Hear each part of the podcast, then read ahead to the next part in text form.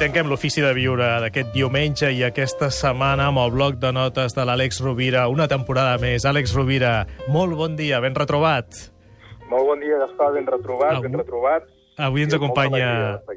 Estem molt contents de saludar-te de nou. Avui ens acompanya a través del telèfon. La setmana que ve serà l'estudi Sí, de Catalunya Ràdio, l'estudi 1.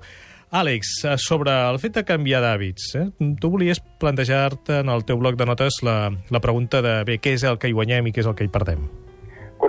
Que res agafant una idea que ja ha dit en, en Joan Quintana, um, i que en algun cop ja hem comentat en un bloc de notes de l'ofici de viure.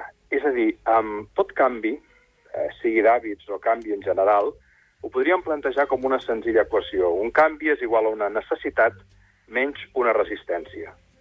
Quan més gran sigui la resistència al canvi, més difícil serà.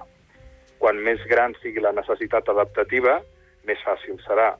Si el canvi que hem de fer, per exemple, com hem comentat, és eh, deixar de fumar, quina és la necessitat? Reduir la inhalació de fum del tabac. Quina és la resistència? El plaer que em dóna fumar. Clarament, si en aquesta balança guanya el plaer a la necessitat que jo percebo, no canviaré de fumar. Però si la meva necessitat de procurar per la salut és més alta que la resistència, faré passes per avançar en aquest canvi d'hàbits. Ara bé, anem aquí quin és l'element que ens ajuda a reforçar el canvi. Novament és el sentit. És a dir, quan tu trobes un sentit, és a dir, vull deixar de fumar perquè així veuré créixer més temps els meus fills i els meus nets, perquè és evident que si deixo de fumar augmento la meva esperança de vida. Això és un sentit essencial.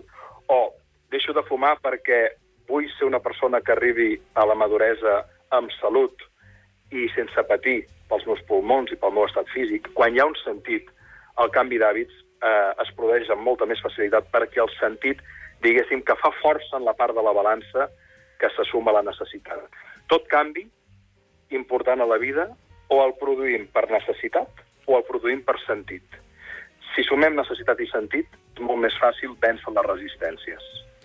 En aquesta línia, a nivell social, potser ens caldria un canvi per força, no?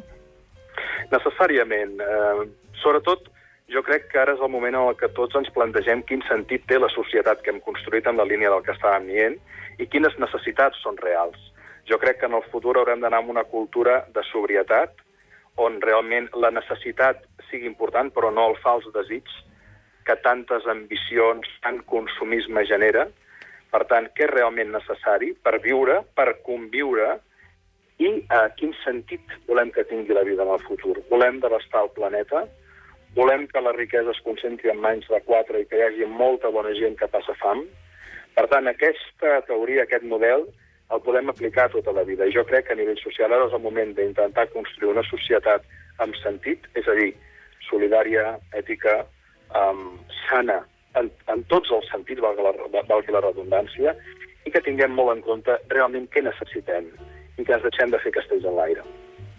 Recordo que l'Àlex Rovira ens acompanya cada diumenge a l'Ofici de Viure de Catalunya Ràdio amb el seu bloc de notes. Recordo que els oients que, que s'hagin incorporat al nostre programa ara o darrerament poden recuperar seccions anteriors de l'Àlex Rovira a catradio.cat, al nostre web. Poden fer podcast de totes les seccions que vulguin de, de l'Àlex Rovira i de tots els programes que vulguin.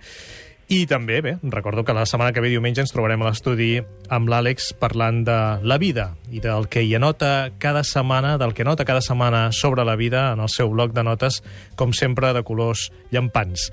Moltes gràcies, Àlex. Ben retrobat. Una abraçada, Fins diumenge. Una abraçada. Una abraçada a tots.